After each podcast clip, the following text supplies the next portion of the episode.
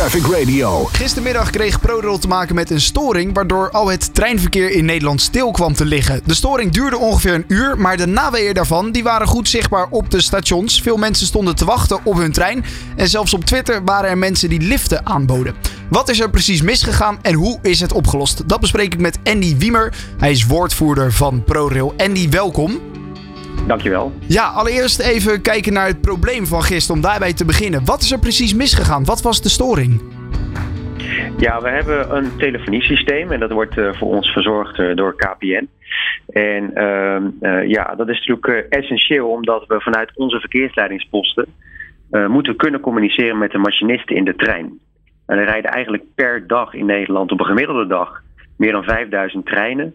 Ja, dan moet je gewoon een goed systeem hebben ja, waarmee je dus uh, kunt communiceren met die machinisten.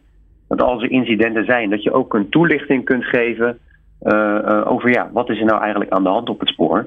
zodat ze ook weten waar ze aan toe zijn. Ja, en we hadden dus een storing in het telefoniesysteem, helaas. En is dat gewoon eenzelfde telefoniesysteem als waarmee ik jou nu bel? Of is dat echt een apart systeem speciaal voor jullie als nou ja, ProRail en NS om daarmee te communiceren? Precies, dat is een, een apart systeem, speciaal gebouwd voor het spoor. Uh, uh, dus uh, ja, dat is echt wel iets anders.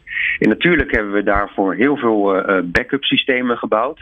Alleen ja, je zag gisteren dat er toch problemen zijn gekomen helaas. Dus we zijn nu erg hard aan het onderzoeken van joh, hoe heeft het nou kunnen gebeuren. Ja, want het was een vrij grote storing. Was het misschien wel de grootste van dit jaar of, of dat nog niet? Nou, we hadden in, uh, in mei, ook dit jaar, hadden we ook een telefoniestoring. Die was eigenlijk nog net iets groter. Ja. Is gewoon ontzettend vervelend. Uh, maar wat er dus gisteren gebeurde, is dat het ook nog eens in de spits was. En er zijn natuurlijk ontzettend veel treinen onderweg.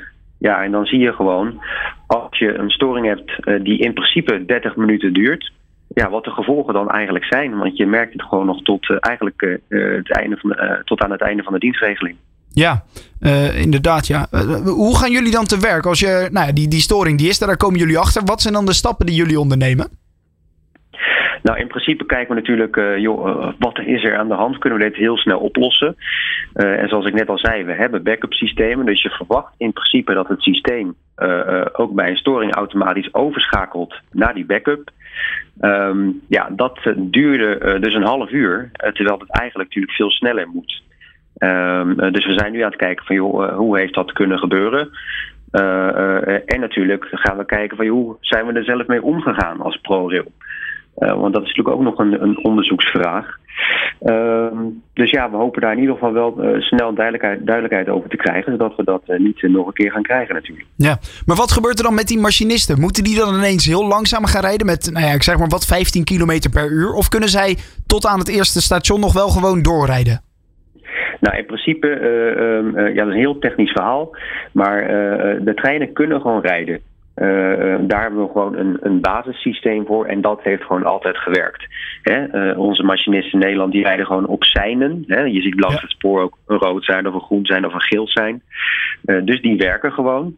En in principe staan op de vrije baan, zoals wij dat dan noemen, gewoon op het spoor, de seinen uh, uh, op groen. Ja, totdat je een rood sein tegenkomt. Dan moet de machinist gewoon stoppen. Dus die rijdt ook echt op die seinen.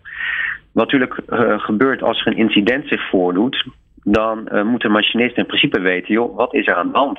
Dat hij zich ook een beeld kan vormen. Ja, en dat doen we dus met een telefoniesysteem. En dat telefoniesysteem, ja, dat zat helaas in de storing.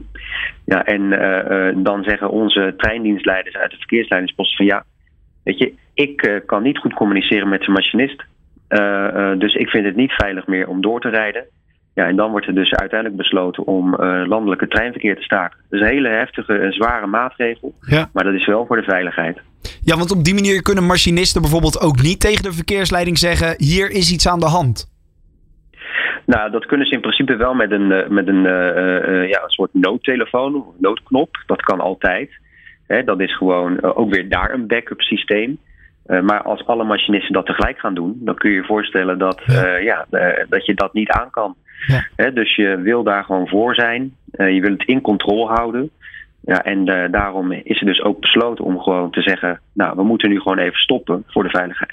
Ja, dan op een gegeven moment is het probleem opgelost. Kunnen de treinen weer gaan rijden. Maar heb je natuurlijk wel ja, last van nou ja, uh, vertraging. Veel mensen op, op één station. Veel mensen op, ik noem maar wat, Utrecht of, of Amsterdam, Den Haag. Uh, hoe los je dat dan op? Hoe zorg je dat dat vloeiend verloopt en dat alsnog iedereen inderdaad voordat de laatste trein weg is van dat station af is? Ja, dat is een hele complexe puzzel. Hè? En daar komen, komt echt het vakmanschap ook van onze trainingsleiders in de verkeersleidingsposten naar boven. Uh, uh, die moeten dan, dan echt full speed gaan kijken van hoe, hoe krijgen we dit weer uh, opgestart. En Nederland heeft het drukst bereden spoornetwerk van Europa. we rijden eigenlijk ontzettend veel treinen op een kleine postzegel. Um, ja, en als het allemaal stil heeft gestaan, met die complexe dienstregeling, ja, dan duurt het opstarten uh, duurt gewoon een tijdje. Ja, en dat merkten reizigers en goederenvervoerders gewoon heel erg. En uh, ja, dat vind ik natuurlijk heel erg vervelend. Ja, inmiddels rijdt alles weer volgens dienstregeling, toch? Dat klopt, ja. Gelukkig wel. Kijk, en dan kan iedereen uh, vanmiddag weer gewoon netjes de trein pakken om op tijd thuis te zijn voor het weekend. Precies. Laten we dat hopen. Zeker. Andy van ProRail dus, hartstikke bedankt voor je tijd en toelichting. En nog een fijne dag. Dankjewel. Always on the road. Traffic Radio.